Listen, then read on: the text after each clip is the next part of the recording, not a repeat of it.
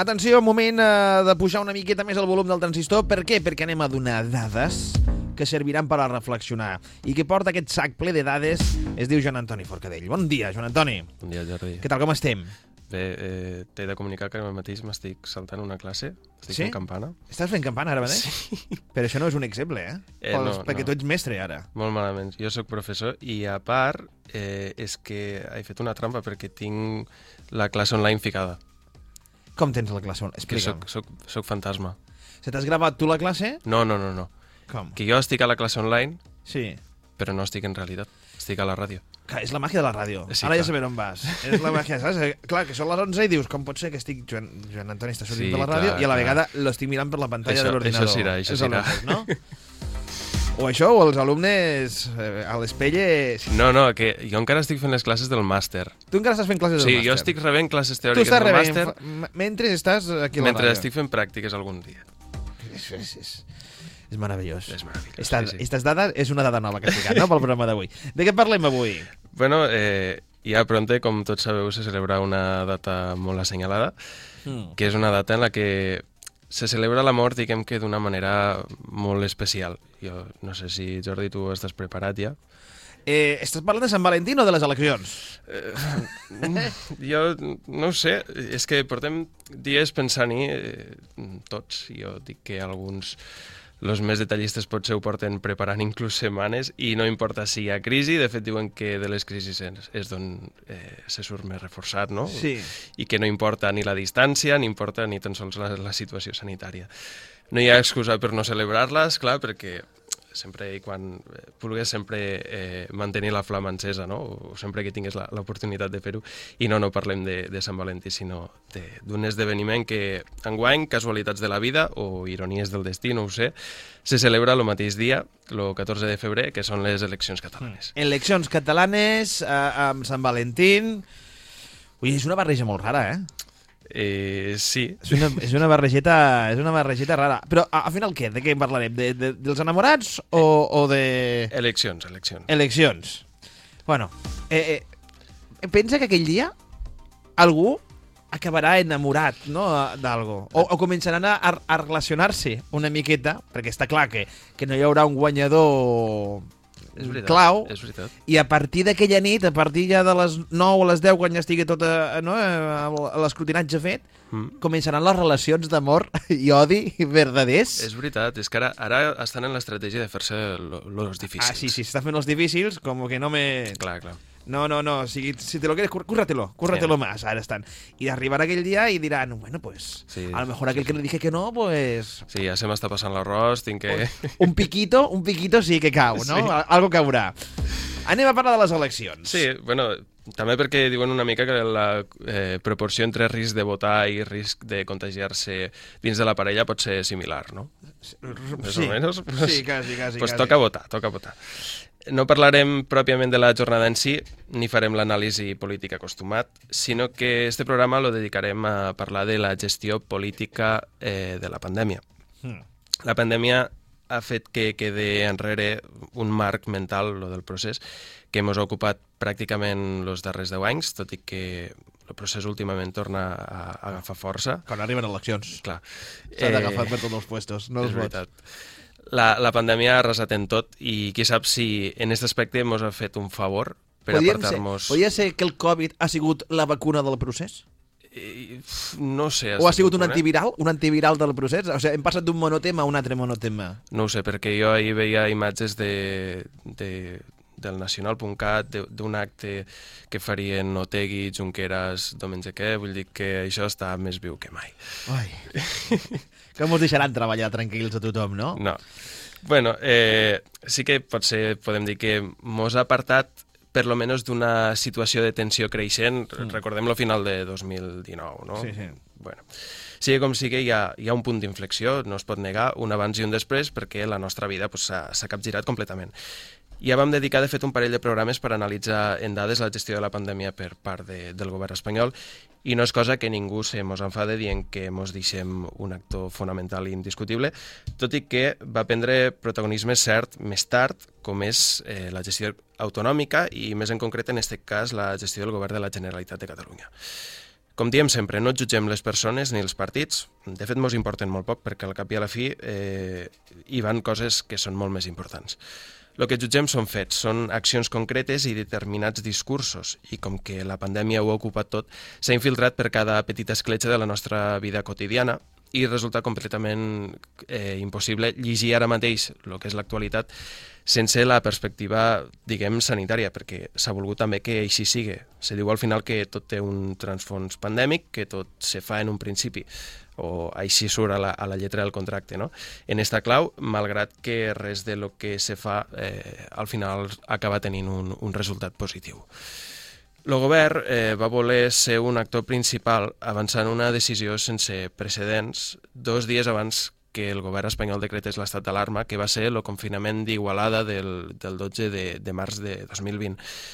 Bé, esta mm, primera experiència de descentralització en la gestió va ser molt breu perquè lo referent en la presa de decisions i també els que van ser en un primer moment l'objecte d'exposició més mediàtica van ser Fernando Simón, Salvador Illa i, i el president Pedro Sánchez.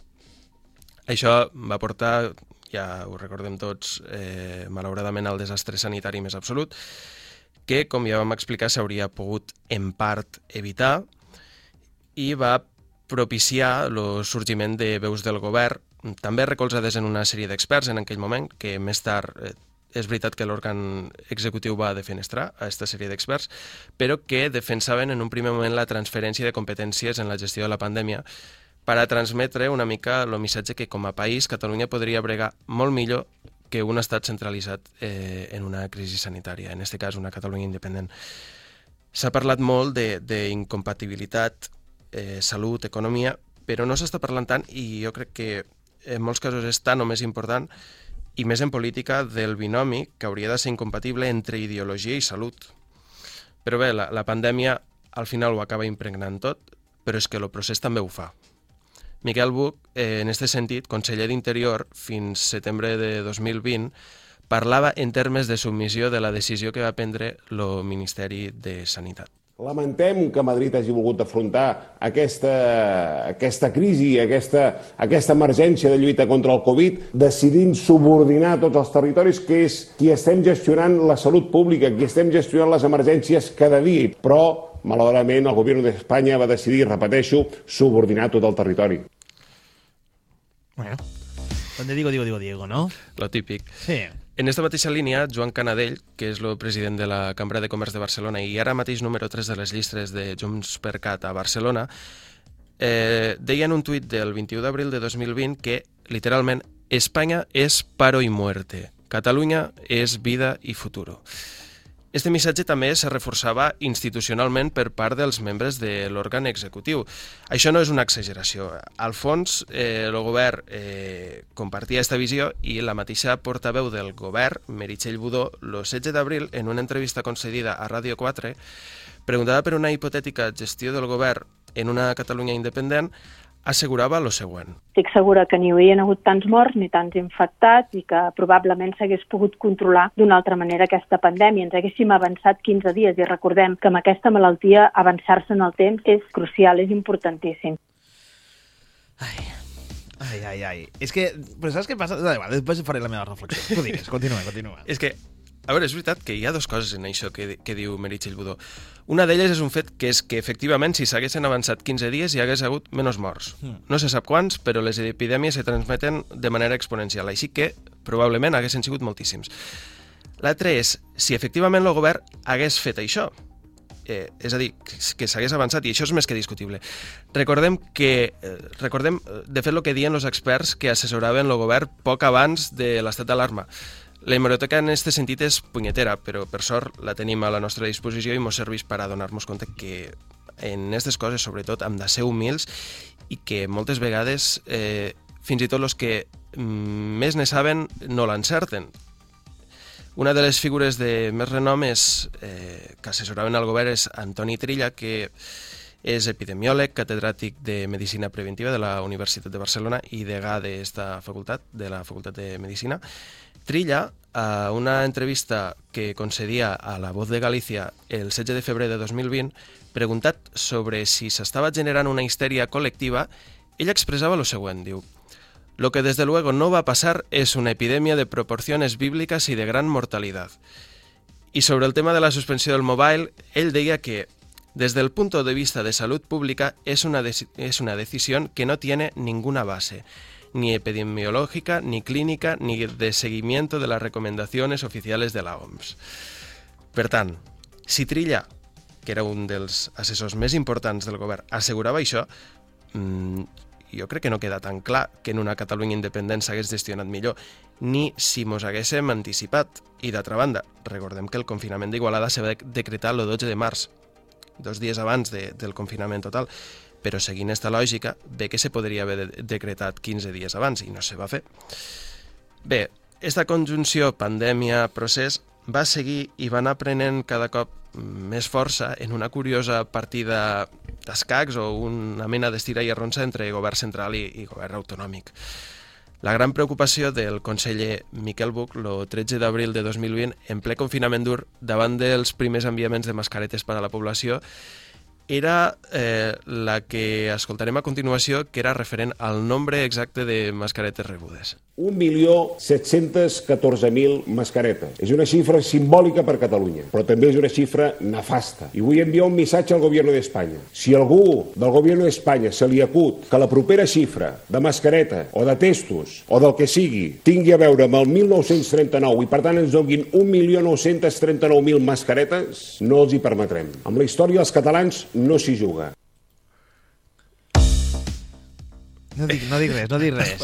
Sí, sí, sí, no dic res. És eh, barrejar xurres femenines. Sí, eh, eh, i, i, eh, bueno, és que després fa- faré el meu anàlisi. Si Vale, vols faig vale. una, un petit anàlisi. Sí, sí, ja. sí, El, digues. el petit anàlisi és primer eh, el, que es comporten com la meva mare, també, en quant a la pandèmia Mm. al principi. Saps? Quan te passa algo, que sempre diu la mama, si no ho haguessis fet, Yeah. o, saps? Si t'haguessis abrigat no t'haguessis constipat.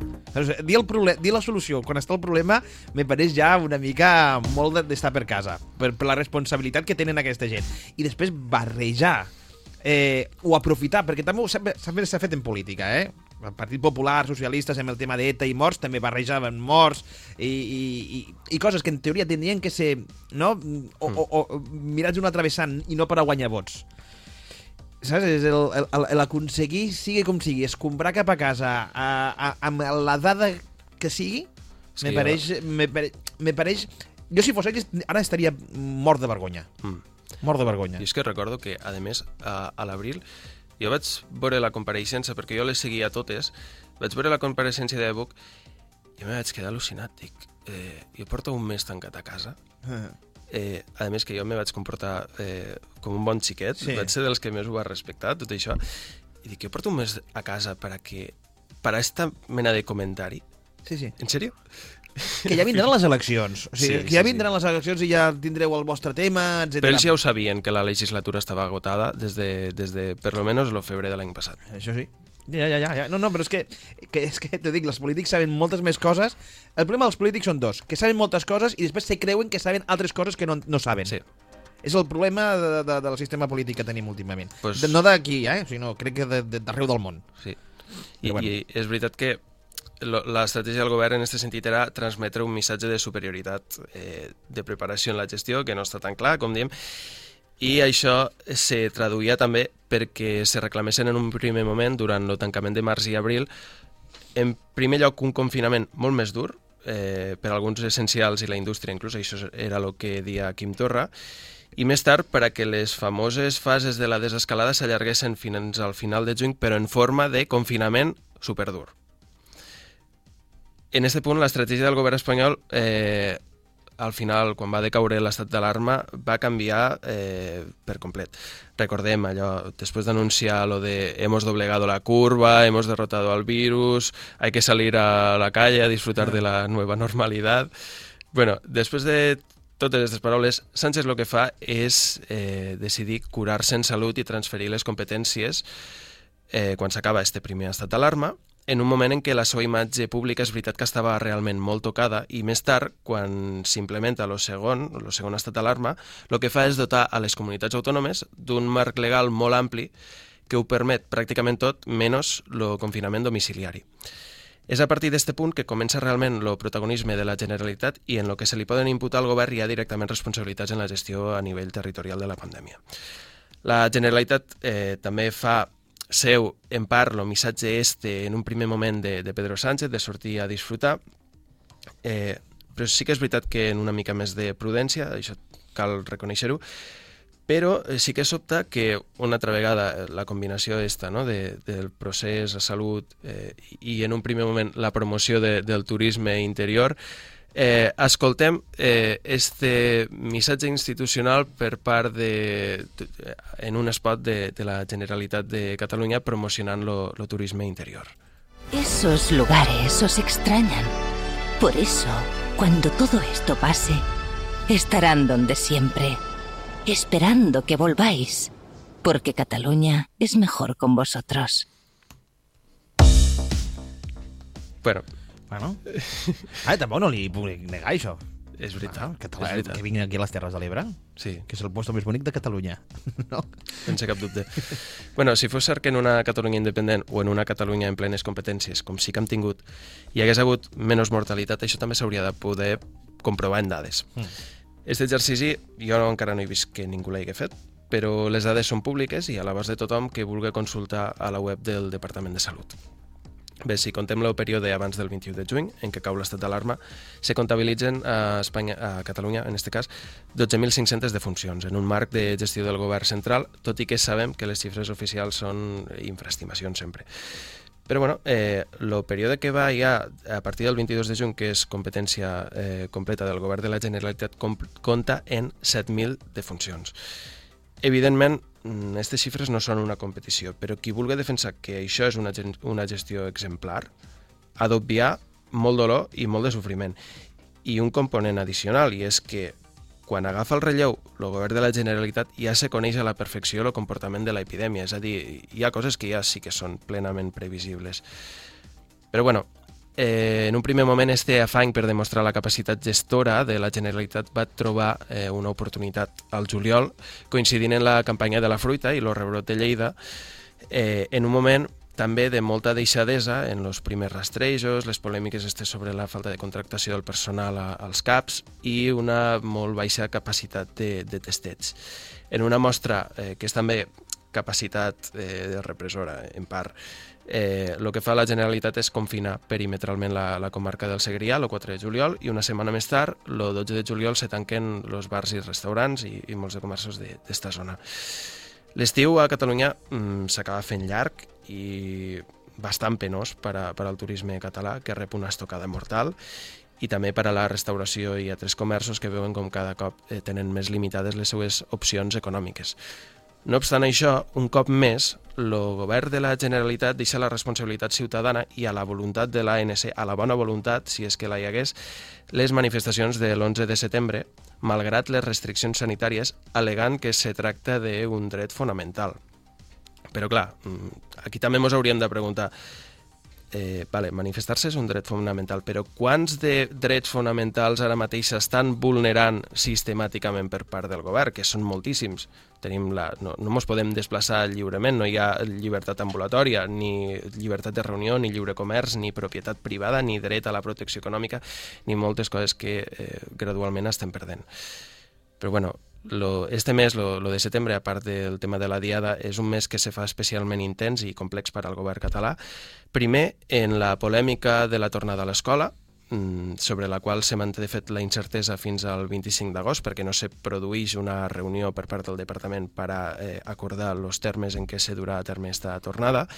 Després també perquè és el context en què comencem a veure eh, l'espurna de, de la segona onada que s'ha de combatre també en una situació especialment convulsa en termes econòmics, però que també dona l'oportunitat a l'executiu per reiterar que són millors que Madrid i Ayuso, tot i que les dades ho desmenteixen, però són millors perquè són més restrictius. És el moment, recordem-ho, en què Josep Maria Argimon i Jacobo Mendioroz neguen l'efectivitat dels tests d'antígens i els cribatges, eines que després s'han demostrat imprescindibles per a combatre la epidèmia. I a les acaballes d'este mes de setembre tan convuls, tan calent, coincideix la inhabilitació de Quim Torra el dia 28 que molts recordaran perquè, malgrat la situació sanitària, el president fa la sortida triomfal del Palau, del Palau de la Generalitat per la tarda i se dona un bany de masses entre milers de manifestants. Li tocarà després a, a Pere Aragonès, eh, li dient tot això, Pere Aragonès, que ara mateix és, si ho puc dir bé, vicepresident en funcions de president en funcions, lidiar, ell, ell haurà de lidiar en, en tota aquesta situació a partir d'aquest moment i imposar les mesures que acaben sent més impopulars, que arriben a, a meitat d'octubre, en una espècie de gincama de restriccions municipals, comarcals, perimetrals, tocs de queda, tancament d'hostaleria, restauració, estètica, gimnasos, en fi. Així exposava eh, la, la seva visió crítica sobre la gestió erràtica de, de la crisi d'Oriol Mitjà i del descontrol de la segona onada. Eh, Oriol Mitjà, que és el que fora, de fet, l'epidemiòleg de capçalera de Quim Torra i el qual, eh, de fet, Quim Torra volia fer eh, conseller, crec, de, de Salut. Mm. Pues així s'expressava al programa Planta Baixa el 15 d'octubre, apuntant directament a la consellera Alba Vergés les persones que prenen les decisions des de tota la vida són persones que els hi falta una mica de xispa. A la consellera li falta xispa. Uh, li falta coneixement en medicina, en salut pública i sobretot li falta la humilitat per escoltar els experts que en saben. Com ho hem fet de malament, que tenim la tassa de mortalitat més elevada de tot el planeta. I ho atribueixo directament a les decisions i a la manca de capacitat per prendre decisions d'una forma suficientment àgil i ho atribueixo que des de les cúpules directives hi ha hagut batalles partidistes i que no hi ha hagut la preparació suficient com per poder entendre quines eren les eines des del punt de vista diagnòstic o terapèutic que poguessin prevenir una part d'aquestes morts. Que encara li diré més, és a dir, és que li, jo li diria que les persones que han estat al capdavant han estat perillosament incompetents i que no hauríem de permetre que en unes eleccions mantinguessin el seu lloc de treball. Va passar d'heroi a villano, eh? Sí, sí. En zero coma a partir d'aquí, eh? De, de capa caiguda, eh? Sí, sí, sí. sí. Políticament... L'àngel caigut eh, Sí, sí, sí, del, sí. Bueno, del procés. Perquè va ser l'Oriol el que va dir després que li agradava més l'estil, com ho portaven a Madrid que, que a Catalunya, no? Sí. No, sí, ell va passar de- d'heroi totalment, però bueno. Bueno, en este punt és El van veritat... fotre fora del grup del WhatsApp de, Sí. dels consellers de la Generalitat. Han fotut fora tots els epidemiòlegs, eh? A tots, a Àlex tots, Arenas, sí. a Trilla, en este... Bueno. En este punt, eh, és veritat que els índexs de, de popularitat del, del govern comencen a caure en picat, en un fortíssim desgast que també contribueixen a aguditzar certs missatges d'insensibilitat cap als sectors econòmics que comprenen no només empreses i empresaris, als quals sembla que està permès fer de tot, sinó tantíssimes famílies d'autònoms i treballadors que trigaran anys a tornar a tenir ingressos. Argimon, per exemple, s'expressava d'esta manera sobre el sector de l'estètica i el seu tancament discriminatori respecte de les peluqueries, eh, los fisioterapeutes eh, i altres eh, sectors.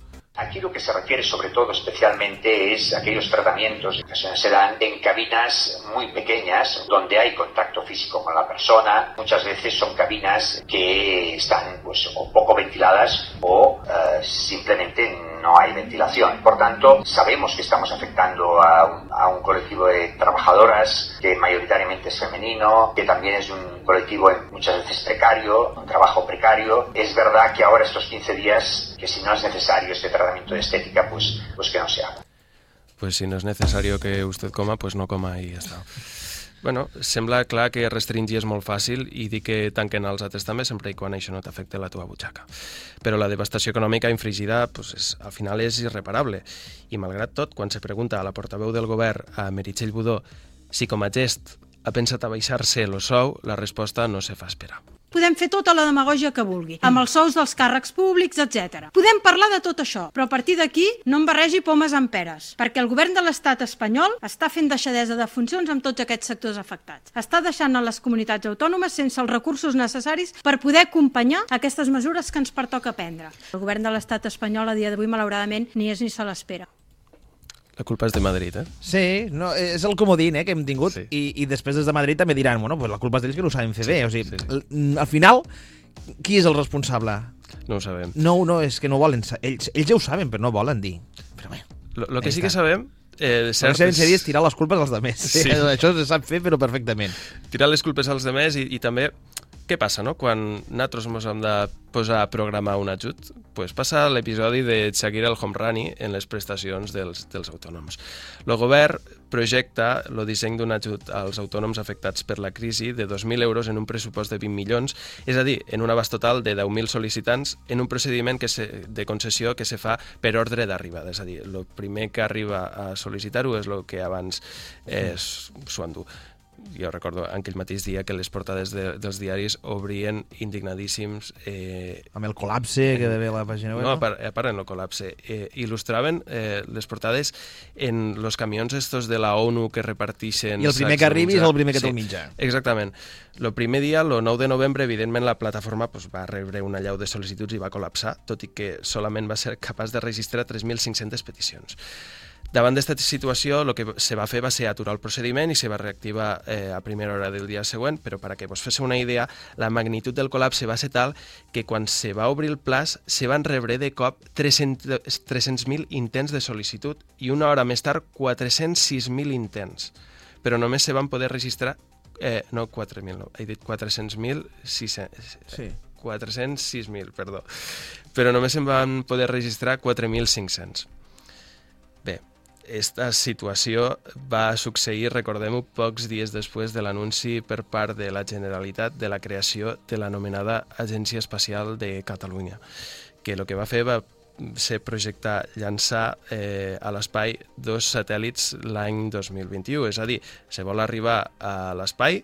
Aquest qual- any? Sí, Aquest aquest, any? any, però s'és incapaç de dissenyar una pàgina web. Però què vol enviar? Amb un gos d'atura? Eh, No? Sí, sí. sí.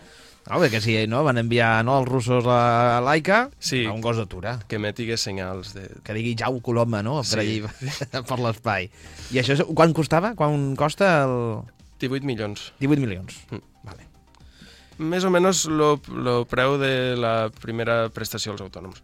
Mm, Sí, sí, sí. No, no, és curiós que i tot va ser que, el que dius tu, Sí. el, el mateix mes. Sí. Tota la notícia... amb- En un plaç molt breu. Mm.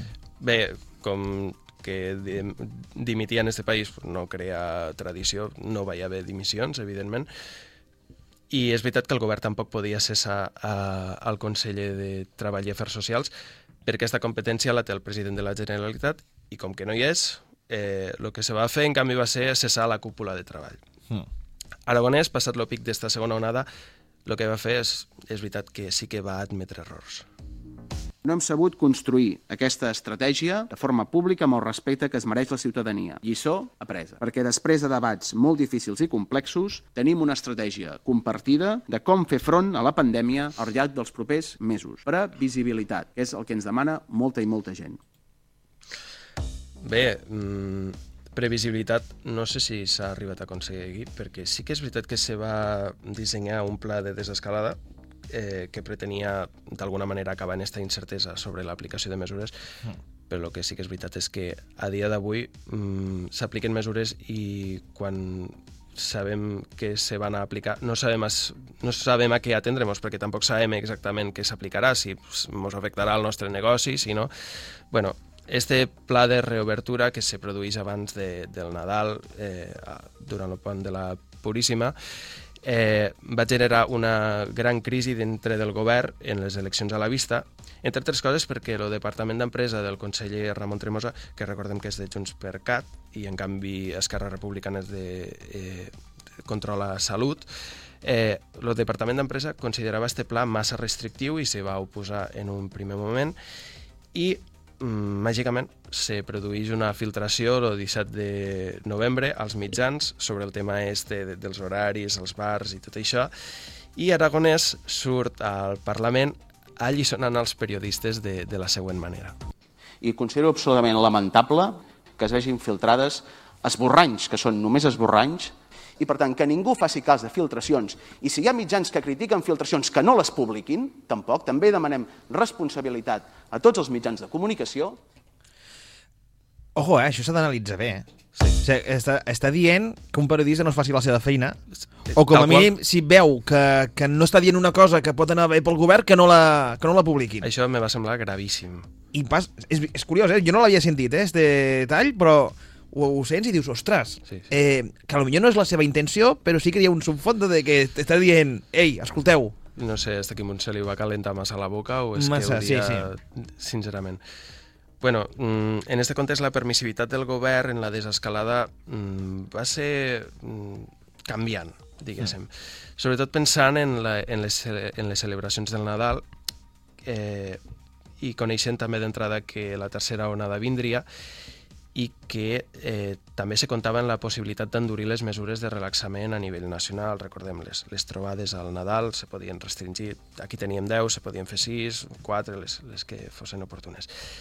Quim Torra, en aquell moment que ja no estava al govern, estava inhabilitat, estava a l'ombra, diguéssim, en aquest context se dedicava, recordo, a fer tuits i comunicats dient literalment que era èticament insostenible que el govern permetés les celebracions de Nadal tal com estaven plantejades i davant de la, de la incipient tercera onada. Bé, la, la tercera onada, de fet, eh, se produeix quan la segona no està acabada, i, és a dir, i, i, la pressió assistencial encara és molt, molt elevada. I en este context, eh, este context s'adoba en episodis com la renúncia, per exemple, a la participació de la roda de premsa per part de Salut per explicar lo dispositiu de cap d'any, deixant sols als consellers d'Interior el 31 de desembre, la, la rave il·legal, per exemple, de, de Llinars, que no se va desallotjar fins 72 hores més tard, i, per exemple, lo retard inicial en la campanya de vacunació. Tot i això, el 28 de desembre, eh, l'inici de la vacunació ja prenia un caire polític i vam haver de veure Aragonès, Vergés i Argimon entrant en la primera residència de Catalunya on se va fer la vacunació a Hospitalet de Llobregat en una comitiva de TV3 saludant als residents, violentant centenars de bombolles de convivència sense, res- sense respectar distàncies i fent de l'esdeveniment un acte polític. Ells que tant havien criticat, per exemple, que quan va arribar el primer paquet de vacunes de Pfizer, el govern espanyol li posés una etiqueta de govern d'Espanya. Bé, en aquest context arribem a la polèmica en les eleccions que centra l'actualitat des de principis de gener en la voluntat mm, per part del govern d'aplaçar-les, alegant motius sanitaris, però en el rebuig de la data per part del PSC. No és possible quantificar exactament quin càlcul electoral hi ha darrere d'esta decisió, la d'aplaçar-la, però sembla innegable que obeeix a motius, eh, que no obeeix a motius sanitaris, sinó a motius polítics, per lo menos a tenor de les declaracions de la mateixa Meritxell Budó dos mesos enrere, el 24 de novembre, quan assegurava que no se plantejaven cap aplaçament. Dubte cap, cap en absolut. Aquest govern està treballant amb tots aquells protocols que garanteixin que aquestes eleccions es duran a terme amb totes les garanties per la salut pública i també amb totes les garanties democràtiques i que garanteixin que tothom que vulgui pugui anar a votar. Estem en una pandèmia i per tant hem de garantir el dret a vot de tothom, però també totes aquestes mesures de salut per protegir les persones que van a votar i les persones que estan treballant el dia de les eleccions, que recordem també que són molt. Eh, eh, la Meritxell Budó va dir això quan portem dues setmanes o tres en el que ells estan criticant de que ara no volen que es faci el 14 de febrer. Sí, sí. Que sí que és cert que ells no van decidir la data, va ser per una decisió judicial, perquè no tenien president i per unes normes, doncs, cada X temps, però sí que és veritat que la precampanya s'ha sustentat per la majoria dels partits polítics, Ciudadanos, Vox, menys el Partit Socialista, de que el 14 de febrer no es tindria que fer per, per Sí. temes sanitaris. Però ells dos però, mesos abans Però deien que sí. deien que sí. És el, el canviar de pensament que tenen els polítics, eh? És que jo trobo Brutal. que us va arribar alguna mena d'enquesta que Sí, aquí no, clar. no coneixem. és que les enquestes eh, curen més eh, que la vacuna. Sí, és, és veritat. Cura més que la vacuna. Aquí tenim dret a vot Però és dir, que critico tant a la Budó com critico ara els socialistes, Sí, que, sí, que sí, siga, no, o sigui, és el mateix, eh? És s'ha de fer. Pues, bueno, com dia dret a vot, dret a la vida, pues aquí se planteja el dilema, no? Hmm. Mm. Tanmateix, eh, el decret d'ajornament mm, sí que és veritat que presentava des d'un bon inici seriosos dubtes jurídics. I quan era preguntat sobre este tema, Pere Aragonès responia lo següent. El decret escrit pel govern de la Generalitat és impecable? Jo confio plenament en els serveis jurídics de la Generalitat, que fan la feina ben feta, en aquest decret i en tots els altres. A mi el que m'han dit és que, des d'un punt de vista tècnic, és correcte. Jo estic convençut que tenim tots els arguments, que la feina està ben feta i que, per tant, no hi ha cap raó per la qual s'hagi d'anul·lar el decret que vaig signar el passat divendres. I, però, eh, ja. I, però és que després és que portem dues setmanes que s'estan fotent la culpa als altres. De fet, jo a Rufián el vaig veure barallant-se amb el Pedro Sánchez Sí. pel tema sí. aquest, de que sois ustedes los que queréis que sea... I, i els... Però és que si fas un decret xapussa, sí. al final és el que passa. Vull dir, és que aquí ja, ja m'enfado, però és que jo no sóc jurista, ¿vale? però sé llegir. I bastava llegir-se l'Estatut d'Autonomia, mm, bastava conèixer-lo, eh, en concret és l'article 67.7 i 67.8, on és molt explícit i on se diu que un president en funcions no pot eh, aplaçar unes eleccions, no pot convocar-les Mhm. tampoc, no pot dissoldre el, par el Parlament. Així que la mateixa, la mateixa convocatòria ja és, eh, no sé si és inconstitucional, però eh, no és legal, Sí, sí, sí. diguéssim. Vull dir que mm, al final s'acaba eh, s'acaba suspenent l'aplaçament però per una qüestió tècnica, perquè el decret no està ben redactat. Mhm. I recordem que els juristes de, de la cambra de, de la Generalitat són 130, Sí, sí, sí. tenen un bon equip. Sí que és cert que, que sí que podrien haver fet una mica de consciència i saltar-se una mica les normes tot, va dir, mira, doncs, ei, escolteu, estem com estem, fem un... No? Fem, fem, fem una vista gorda i aplacem-ho Sí, sí, tot, entre tots. Saps qui ho va, saps qui ho va tombar? Qui? Ho va tombar un particular. El recurs contra el decret lo va presentar un mosso d'esquadra eh, que ara ja està retirat, però el va tombar un particular. Imagina't. Imagina't.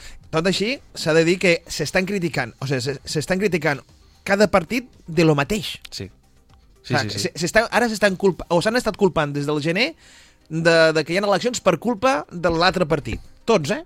Sí. S'analitzes tots. La culpa és teva, no, la culpa és teva de que se celebri. Però ve que envien sobres ara, eh? Tots. També, eh? Sí. Bueno, no obstant això, si, si d'una banda eh, la campanya, com diem, eh, en contra de la celebració de les eleccions ha estat intensíssima, el que és difícilment comprensible és que el 26 de gener, en el marc del Procicat, el mateix govern decidia que per assistir a mítings polítics se podia fer eh, una excepció del confinament municipal. Bueno, diuen, pels seus actes los coneixeran, los coneixeràs. En fi, només queda reproduir les paraules de Bernat de Déu, que és independentista radical, escèptic i desenganyat, molt desenganyat, que dia lo següent en un article el 22 de novembre de 2020. Dia, la vida i miracles dels nostres mandataris ja s'ha convertit en una presa de pèl tan supina, en una oceànica i sorda, sòrdida cursa per veure qui ens la carda eh, de més mal gust, que ni la ploma més creativa ni la careta més deformada pot superar el deliri del present. Pues així, és el desencant. Saps que, avui, que hem dit avui al principi del programa? Hem dit que ja tindria que existir una norma de que si no hi hagués la participació desitjada de vot, si, per exemple, que no vota més del 30% de la població, més del 40%, aquelles eleccions tindrien que estar anul·lades i tots els caps de llista que s'han presentat, fora. I que vinguin nosaltres perquè no han sigut capaç de, de tornar a donar il·lusió a la gent a l'hora de, de posar el vot. Perquè tota aquesta desil·lusió, tot el que has parlat, al final no deixa de ser una desil·lusió Sí. arran de- de- d'aquestes ja d'aquestes mentides que ja no se les creuen ni ells Mm. i, i, i d'aquestes oïdes sordes a la hemeroteca i, i d'aquestes acusacions tan tontes només per aconseguir vots en lloc d'aconseguir que la gent s'acuri, no? I jo crec que la gent no, ja està, la gent ja no està sent tonta. No, no, no, no. La, gent ha despertat. La gent està despertant i Sí, dient, al aquí final- ja no els interessem. Al final és igual que, que siguen los que te representen ideològicament o no. Això no t'impedís tindre un sentit crític Sí. davant de lo que s'està fent. S'ha de, de ser així. Mm. Però els veig massa desesperats per, per aconseguir... Massa desesperats per aconseguir el vot. Això sempre. Massa. Sí, sí, però és que ara ha... Abans ho, ho enmascaraven millor, potser, o ho dissimulaven... Ho dissim... Però és que ara ja no ho dissimulen. No em dóna la sensació que ja no ho dissimulen? Mm, O sigui, eh, de les declaracions de l'Aragonès a les declaracions de, a, a, a l'enfrontament de Rufián d'aquesta setmana no han passat ni dues setmanes. Ja. Ja, ja. I, i, i este gir de, de guió, igual que els socialistes, eh? I tots.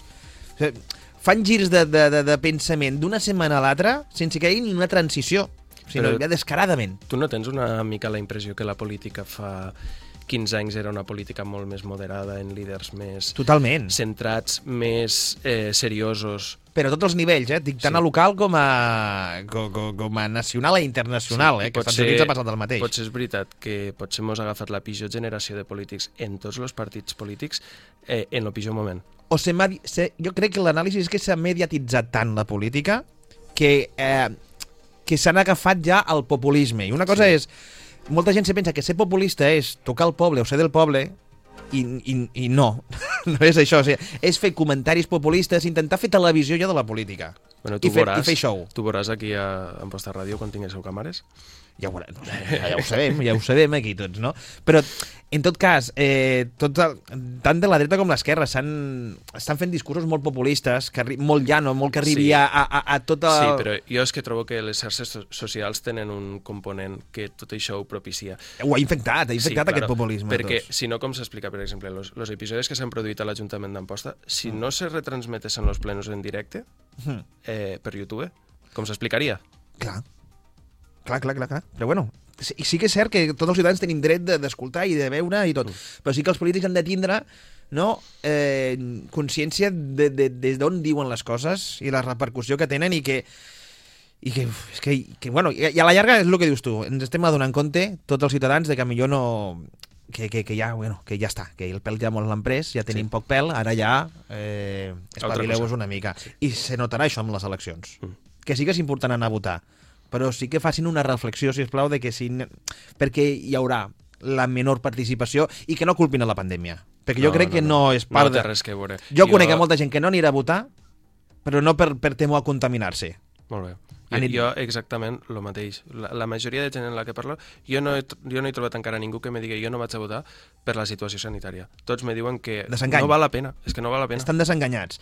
I això és perquè no han fet bé la feina. Ara, que sé que diran que no han anat a votar per culpa de la pandèmia. Això està clar que ho diran, però és que arriba un punt que, que, que la gent diu...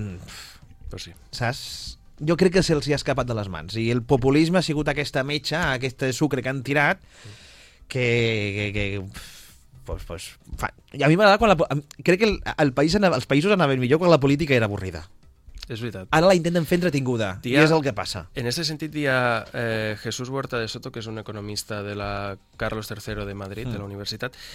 Ell dia que los partits, no, los països que millor van són los països en què tu li preguntes a una persona al carrer qui és el Sí. president del govern i no t'ho sap contestar. Això em va passar quan eh, vaig anar per Perú i als països sud-americans, és, tu veus i sempre, se- inclús per les nits, se reuneixen tots a les quadres per parlar de política, manifestacions... Que un país eh, molt eh, poc desenvolupat o amb crisi política és on més se parla de política, on més, o, on més moviment polític i de poble n'hi ha. En canvi, quan una societat doncs està bé... Ha passat als Estats Units. Mm. Jo crec que als Estats Units ningú coneixia els noms dels congressistes i ara crec que tothom sap qui són els congressistes sí. i qui és qui. O sigui, quan baixis el nivell social i econòmic és quan la gent doncs, està més a la white no? de, de, de la política. I aquí està passant. O sigui, si és que ara s- som, si el Rufián firma autògrafos, no? Eh, que és un, dic Rufián com a exemple de, de, de polític mediàtic. Sí. No? I, o, o les rimades. O, és que inclús l'Albert Rivera feia programes amb la, amb la Mercedes Milà. De, de No la te'n recordes del debat de- d'Albert Rivera traient lo, lo totxo de, de Barcelona? Sí, i, i coses així. Sí. Intenten ja... Bueno, pues, jo vull que la política torni a ser avorrida. Sí, jo també. I quan torni a ser avorrida és que a lo millor els polítics s'interessaran més en arreglar les coses que no en a veure com ha quedat per la tele o quanta audiència han aconseguit. Perquè crec que és ara l'únic que volen és aconseguir audiència. Pues sí. I no, no sé, no sé. I, i, i, bueno, ja està, que cada un agafi... Tu has donat les dades, que cada un Jo dono les dades. Cada no, que després, que després me diuen que si sóc del partit tal, que si sóc... Bueno, això passarà sempre. Ja. Això passarà sempre. És curiós perquè en una setmana m'han dit que sóc d'un partit i Sí. de l'altre contrari. Ja, no, no, això passarà. En tot cas, crec que durant els 43 minuts que portem parlant, 43. no, no portem, no hem acusat ni a un ni als altres, eh? Sinó... No, no. Que jo crec que la meva conclusió és que tots, som, so- tots de moment, s'estan comportant igual i s'estan acusant del mateix. Ja ho hem vist. I ja està. Eh, Joan Antoni Forcadell, moltes gràcies i fins la setmana que ve. Au, que vagi molt bé. I que adéu.